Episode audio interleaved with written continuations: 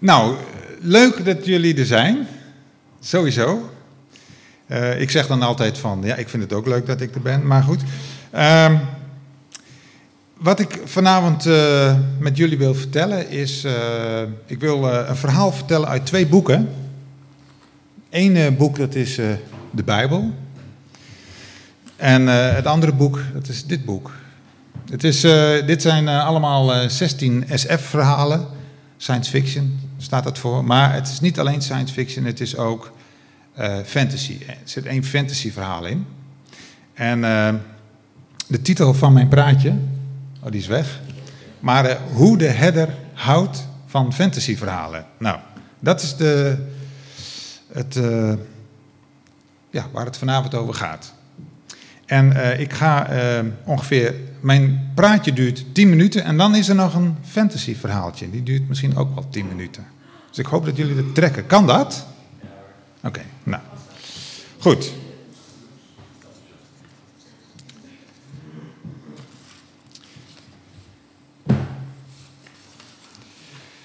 Ik wil dan eerst maar een stukje lezen uit uh, dat ene, een van die twee boeken, namelijk de Bijbel. En dat is uit Johannes 10 en dat gaat als volgt. Ik ben de goede herder. Daar heb je de herder al. Een goede herder geeft zijn leven voor de schapen. Een huurling, iemand die geen herder is en die niet de eigenaar van de schapen is, laat de schapen in de steek en slaat op de vlucht zodra hij een wolf ziet aankomen. De wolf valt de kudde aan en jaagt de schapen uiteen. De man is een huurling en de schapen kunnen hem niets schelen. Ik ben de goede herder, dit zegt Jezus en die ik. Ik ken mijn schapen en mijn schapen kennen mij. Opmerkelijk. Zoals de Vader mij kent en ik de Vader ken. Ik geef mijn leven voor de schapen. Maar ik heb ook nog andere schapen die niet uit deze schaapskooi komen. Ook die moet ik hoeden. Ook zij zullen naar mijn stem luisteren. Dan zal er één kudde zijn met één herder. De Vader heeft mij lief omdat ik mijn leven geef, om het ook weer terug te nemen. Niemand neemt mijn leven, ik geef het zelf. Ik ben vrij om het te geven en om het weer terug te nemen. Dat is de opdracht die ik van mijn vader heb gekregen. Nou ja, waar ik eh, de nadruk op wil leggen is van Jezus zegt, ik ben de goede herder, mijn schapen zullen naar mijn stem luisteren, dan zal er één kunnen zijn met één herder. Ja, goede herder, schaapjes. Alsjeblieft zeg. Ik moest, uh, ik heb bij de, deze verhalen al gouden associaties van zo'n zo kleurplaat met schaapjes, met van die opgeblazen uh, ontplofte wattenballetjes en zo. Uh, ja, en ook uh, dat er dan staat van mijn schapen zullen naar mijn stem luisteren. Dat klinkt mij ook een beetje jeukerig in de oren, als een soort herintroductie van het Sovjet-regime. Dus wat bedoelt Jezus hier en waarom gebruikt hij dit beeld? Nou ja, kijk, in die tijd was dit een heel actueel beeld. Kijk, in Nederland er zijn bijna geen schaapsherders. Uh, en als ze er al zijn, dan zijn het vaak van die halfzachte geitenwolle sokkenfiguren. Van die natuurfreaks die ervoor moeten zorgen dat die schaapjes uit het hokje lopen. Een beetje rondhobbelen, hun buik vol vreten en dat hij dan weer terug in het hokje gaat. Ja, spannender is het niet in Nederland. Het opwindendste personage van de hele, hele schaapskudde, dat is de herdershond. Want die moet dan nog een beetje blaffen en zo. Maar veel spannender is het niet tegenwoordig. Dus ja, dan denk je, ja, schaap. Ik voel me niet echt een schaap of zo. Tenminste, dat heb ik dan. Ehm, maar als je de verhalen leest van David, dan komt er toch weer een beetje een ander beeld tevoorschijn over een schaaps, het hoeden van schapen. Want die David die moest met wolven en leeuwen vechten. Die hebben wij hier niet zoveel. En beren ook trouwens. Dat staat allemaal in 1 Samuel 17. En hij had daar niet de beschikking over een Browning Auto 5 kaliber 12. Dat had hij niet. Hij moest het doen met pijl en boog. Ja, dat is echt waar. Hij moest het doen met, uh, met pijl en boog. En als hij miste met zijn pijl, dan moest hij met zijn mes de beest lijf. Dat zou, in Nederland zou zo'n job, zouden wij, hoe zouden wij dat ongeveer omschrijven? Nou, uh, wij zouden zeggen dat de psychologische arbeidsbelasting veel te hoog is. Het werkt ziekteverzuim in de hand, waardoor de betrokkenheid en het werkplezier van een bevlogen werknemer in het gedrang komt. Dus uh, zoiets zouden wij zeggen. Hè? In ieder geval, het kan niet. Uh, maar goed, het gaat over uh, Jezus die de herder is. Maar met welke herders hebben, heb ik te maken vandaag de dag? Welke stemmen luister ik naar? Want er ging sprake over de stemmen. Dat de, de, de schapen luisteren naar die stem. Welke stemmen luister ik naar? En als ik om me heen kijk, dan zie ik er verscheidene. Een, een greep uit de stemmen. De stem van onszelf. Wij zijn onze eigen herder. We bepalen zelf wel wat goed voor ons is. Dat is een van de stemmen. Een andere is de stem van de financiële zekerheid. Nou, daar kunnen we in Nederland, uh, lusten we wel pap van. Nederland is het meest verzekerde land ter wereld. Wij sluiten overal verzekering van af. Wij willen zekerheid. Dat is ook een stem van een herder. Uh, de stem van het mooi zijn. Het perfecte lichaam nastreven. Nou, dat is natuurlijk ook van alle tijden, maar uh, kijk de glossies er maar op na. Dat is erg populair. Uh, meditatiecursussen en meditatietechnieken, die zijn natuurlijk ook uiterst in zwang, zoals het heet. En uh, ja, dat uh, mindfulness en dat soort dingen. wat ook een eeuwige, hele grote stem is van een herder. Dat is de peer pressure. Zeggen jullie dat wat? Peer pressure? De groepsdruk. Dat is ook zo eentje. Nou, dat is een hele sterke drijfveer in de beslissingen die wij nemen. En de koers die we varen in het leven.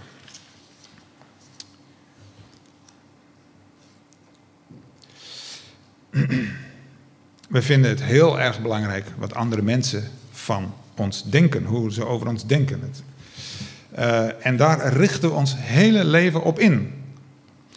En uh, dan doen we soms zelfs de gekste dingen voor, om er maar bij te horen.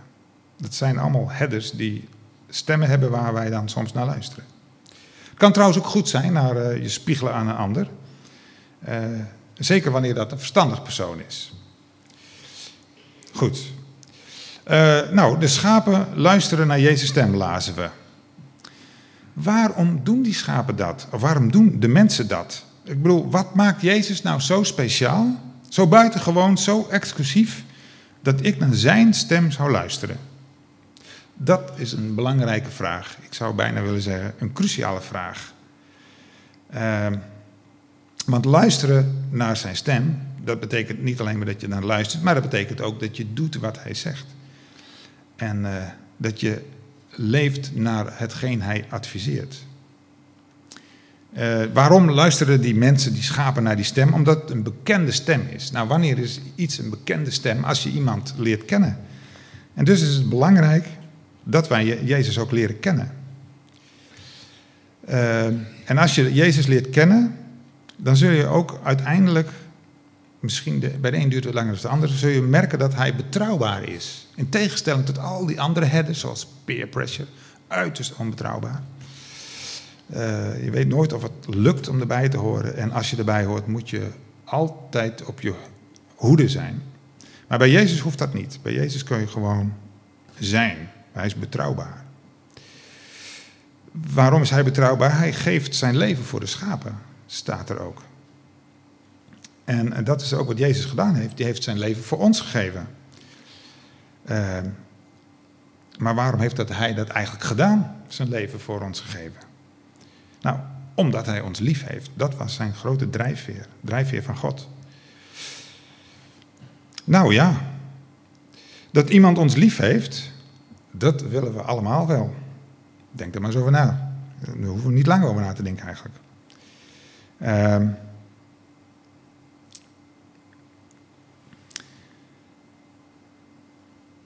dus ik luister naar uh, Jezus' stem, omdat hij mij lief heeft. En uh, omdat hij mij tof vindt, mij ziet zitten, jou ziet zitten, ons ziet zitten.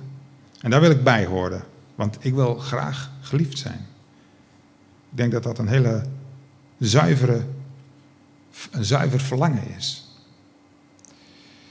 Ik verlang er ook naar dat iemand die mijn verhaal kent, die weet waar het pijn doet bij mij. Die ook weet wat mijn diepste hartewens is. Uh, nou goed, En dan zegt Jezus van, als je dat doet, de, de schapen luisteren naar Jezus' stem, dan zal er één kudde zijn met één herder. Nou, één kudde met één herder.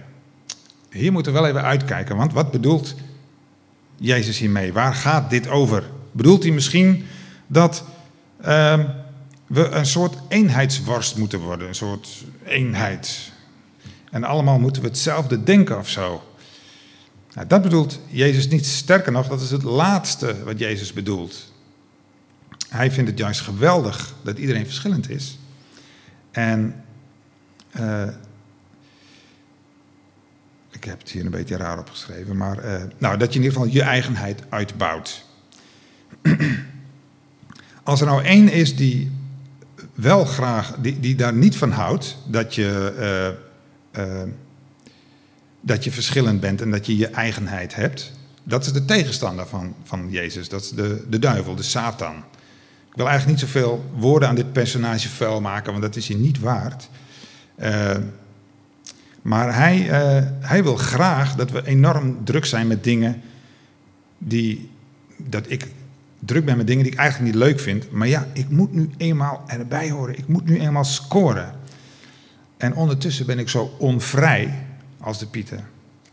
Ik, ik zeg dat wel vaker van de, de duivel die, die spiegelt vrijheid voort. En die zorgt ervoor dat je ontzettend onvrij wordt. En bij de het koninkrijk van God lijkt het wel alsof, alsof, die, alsof je, als zodra je christen bent, dan mag dat niet meer en dat niet meer en dat niet meer. Het wordt heel erg uitvergroot in de wereld, zeg maar. Maar bij God ben je vrij. God heeft regels. En het gekke is, op het moment dat je je houdt aan die regels, word je vrij. Het is niet te geloven, maar het is waar. Goed. Uh, Nou ja, en uh, wat gebeurt er als, uh, als mensen één zijn zoals Jezus bedoeld heeft? Dat, dat staat ook een stukje. Ik heb de Bijbeltekst niet bijgezet waar het staat. Maar het gaat van allen die het geloof hadden aanvaard, bleven bijeen en hadden alles gemeenschappelijk. Ze verkochten al hun bezittingen, verdeelden de opbrengst onder degenen die iets nodig hadden. Ze hielpen elkaar. Elke dag kwamen ze trouw en eensgezind samen in de tempel, braken het brood bij bij elkaar thuis en gebruikten hun maaltijden in de geest van eenvoud en vol vreugde. Dus er was niet verdriet of gedoe, maar er was vreugde. Ze loofden God en stonden in de gunst bij het hele volk. Dat is ook gek. Je denkt als je bij God hoort, dan uh, hoor je niet bij het volk. Nee, het volk vond dat helemaal tof wat ze deden. Dit is uh, niet gebruikelijk in ons westerse wereldje, wat, je hier, uh, wat ik net las. En als je nou even het hele geld- en bezitsaspect vergeet, want dat allemaal, alles samen delen, dat spreekt ons niet zo bijzonder aan. Dan denk je van dat gaat natuurlijk mis. Eh, maar laten we dat even vergeten. Stel eens voor dat jij bij die groep hoort. Hoe zou dat zijn? Je zou er, je zal er toch bij horen, zeg, bij zo'n groep. Die alles deelt gewoon met elkaar. Er zou naar je geluisterd worden, je mening zou van belang zijn. Je problemen en je pijn wordt gedeeld. Ik moet zeggen, het lijkt wel een beetje op de East Coast. Echt waar. Vind ik leuk. Er wordt met je meegehaald en met je meegelacht. Je bent welkom, je bent geliefd en je bent buitengewoon gewenst. En dat zijn allemaal aspecten van het koninkrijk van God. Die wil dat je groeit, je ontwikkelt, je creatief bent, geniet van het leven. Ik heb uh, even die, Bijbel, even die, uh, die tekst, wat we zo net zongen, pak ik er even bij. Want uh, we zongen zo net, dressed in his righteousness alone, faultless stand before the throne. Nou, dat gaat hierover. Dat is uh, heel actueel. Um, nou ja, en in Galaten 5, vers 22 staat wat er dan gaat gebeuren. Mensen die, die dus, zeg maar, uh, uh, zich, zich richten op het koninkrijk van God, dan, dan is er sprake van de vruchten van de geest. Nou, de vrucht van de geest is natuurlijk, een vrucht is er niet in één keer, dat moet natuurlijk groeien. Maar die is liefde, blijdschap, vrede, moedigheid, vriendelijkheid, goedheid, trouw, zachtmoedigheid, zelfbeheersing. Allemaal dingen, eigenlijk, als je iemand tegenkomt die deze aspecten hebt, eigenlijk is dat een geweldige, leuke persoon. Ik heb, uh, ik heb dit boek gelezen. dit boek las ik en een van die verhalen, die las ik. En uh, Eerst had ik zoiets van, nou, wat is dit voor een vaag verhaal? Moet ik dit al doorlezen? Maar ik denk, ja, kom. Je moet een verhaal nooit beoordelen voordat je hem uit hebt gelezen. Dus ik las hem uit en ik dacht van, ik kreeg kippenvel. Ik denk, wat een bijzonder verhaal. Het was een fantasyverhaal en het ging over groene magie. Nou, het was al zoiets, groene magie. Mm, mm, mm. Maar ik, ben, ik heb dus toch doorgelezen. En het, ik vind het zo bijzonder dat ik het jullie wil vertellen. En waarom wil ik het jullie vertellen? Omdat het mij enorm de ogen geopend heeft van... Zo is het koninkrijk van God. Zo is de hemel ongeveer in elkaar. Uh, steekt de hemel in elkaar. Nou, dat boek is heel dik. Dat verhaal is uh, ook heel dik. Dus ik heb het heel erg ingekort tot iets van, nou ja, heel erg ingekort. En ik wil het graag jullie voorlezen. Ik had al gewaarschuwd dat ik het ging doen. Nou, daar komt hij.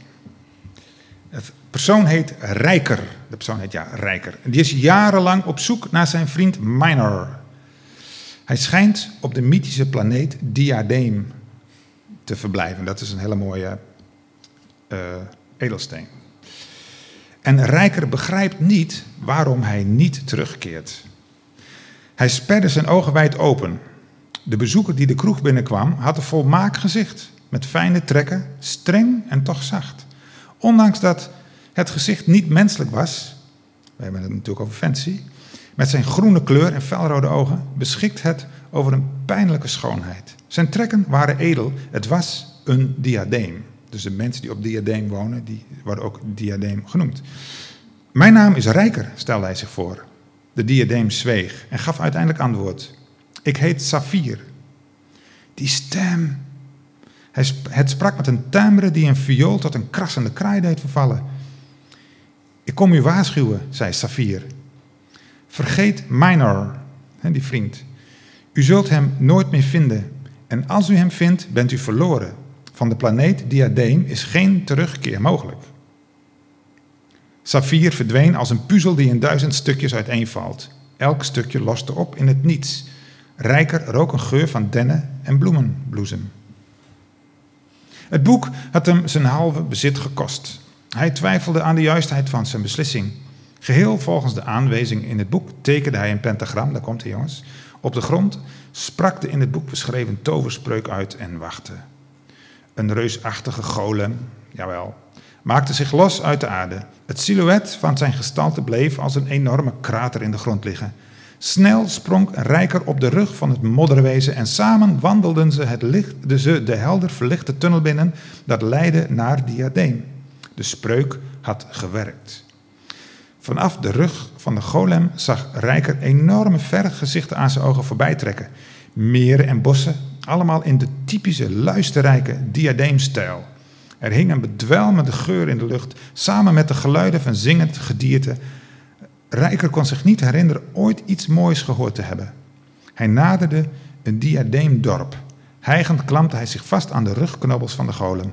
Hij merkte dat hij de schoonheid van de meestelijke bouw bijna niet kon verdragen. Het was te veel voor zijn menselijke zintuigen. Toen hij allerlei diadeem zag lopen, statig en met grote wijsheid, werd het hem te veel. Hij beviel de golem terug te keren. Enkele weken later, in de kroeg, vergat Rijker zijn mond te sluiten.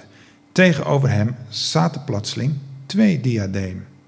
Safir samen met een onmiskenbaar vrouwelijk wezen. U hebt een magische wet geschonden door onze wereld onrechtmatig te betreden.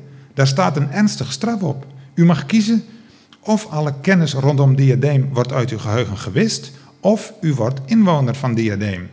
Maar ik waarschuw u, u zult smeken terug te keren naar uw eigen wereld, maar dat zal onmogelijk zijn. Ik ga mee, zei Rijker. Ik ben vastbesloten. Zo zal het zijn, zei Safir. De mythische planeet Diadeem was nog mooier dan Rijker had waargenomen vanaf de rug van de golem. Nu pas drong de volheid van de kleuren, geluiden en geuren tot hem door. Hij was verrukt. Hij zou hier beslist geen spijt van krijgen, dat wist hij zeker. Na enkele dagen leidde Safir hem naar een plaats waar hij en de golem hadden gewandeld. Rijker zag dat er een enorme verwoesting had plaatsgevonden. Gebouwen met hun typische fijnmazige diadeemarchitectuur waren ingestort. Een aantal diadeem waren verbrijzeld onder de grote voeten van de golem. Het was alsof een bom een hap uit het paradijs had weggeslagen. Kan ik dit ooit goed maken? jammerde Rijker. Nee, zei Safir, schijnbaar onbewogen. Het was alsof iemand een rasp over zijn ziel haalde. Na enkele maanden merkte Rijker een verschil in beleving. Hij was onafgebroken lyrisch, was, nooit, was nog nooit zo gelukkig geweest, maar toch was er iets mis. Het sterkst kwam dit naar voren in de communicatie met de diadeem. Onderling gebruikten zij een complexe communicatievorm waar Rijker niets van begreep. Toen hij, toen hij Safir vroeg waarom hij, hij hem wel kon verstaan, maar de diadeem onderling niet, zei hij dat dit kwam omdat hij een, eenvoudig, een eenvoudiger communicatievorm gebruikte in zijn gesprekken met Rijker. Later kwam hij erachter dat dit zacht uitgedrukt was. De diadeem moest terugvallen naar wat voor een mens een barbaarse oertaal zou zijn, van snauwen en grommen. Het werd rijker, steeds duidelijker dat hij de taal, de kunst en de verfijnde omgang met elkaar niet begreep, ook nooit zou kunnen begrijpen. Hij merkte dat hij werd beschouwd als een soort huisdier, maar hij wilde een van hen zijn. Als ik elke dag urenlang de taal van het diadeem zal bestuderen, wanneer zal ik hem dan meester zijn? vroeg hij op een dag aan Safir. Ook al zou je de hoeveelheid jaren kunnen overleven, dan nog zul je het nooit kunnen leren, omdat het menselijk lichaam niet over voldoende zintuigen beschikt. Nu Rijker twee menselijke jaren op de planeet Diadeem had verbleven, merkte hij dat hij niet alleen terug wilde naar de aarde, maar dat hij verlangde naar zijn eigen wereld, waar hij werd begrepen en iemand was.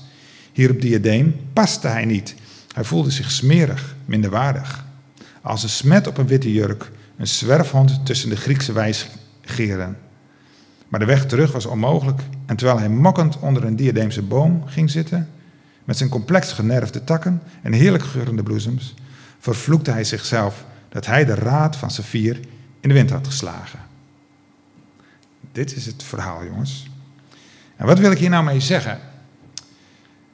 Wat dit, waarvan ik kippenvel kreeg van dit verhaal, is dat deze kerel, die wilde dus uh, met barstens geweld, wilde hij iets meemaken dat hem heel mooi toescheen. En hij deed daar een, hij gebruikte daarvoor een methode die verboden was. Hij ging die zwarte kunst raadplegen met zo'n golem. En dat lukte. En hij, hij kon het ook zien. Maar hij wist niet dat hij ondertussen daar gewoon die hele wereld zat kapot te maken. En hij werd dan toegelaten op diadeem, maar het was als het ware een straf. En hij kwam erachter dat hij daar eigenlijk niet paste. Want hij was zijn hele hebben en houden was er niet klaar voor. En zo werkt het eigenlijk ook in het koninkrijk van God. Wij passen zomaar niet in dat koninkrijk. Er moet een zekere zuiverheid voor zijn. Anders pas je daar niet. Wil je daar ook eigenlijk niet wezen. Um, je kunt er iets uh, uh, van teruglezen in de Bijbel. Als je bijvoorbeeld weet, toen Mozes terugkwam van de berg met de uh, tien geboden op die stenen. Toen schitterde zijn gezicht zo fel dat de mensen die konden het niet aanzien. Het was zo fel dat ze vroegen, kun je niet iets om je hoofd doen? Want wij worden verblind. Moet je nagaan. Hij was nog niet eens in de hemel zelf geweest, maar wel heel dicht in de buurt. Het de achterkant van God mogen zien, heel bijzonder. En dat gebeurt er met zijn hoofd. En dat is niet de enige. Er is nog iemand, er is nog uh, van iemand gezegd waarvan het hoofd straalde. Dat is namelijk Stefanus. De eerste persoon die werd gestenigd voor zijn geloof. Ook zijn gezicht ging enorm schijnen. Daar kunnen wij, wij denken, ja doei, dat is niet echt. Maar ik geloof dat het wel echt is, uh, zeker echt is.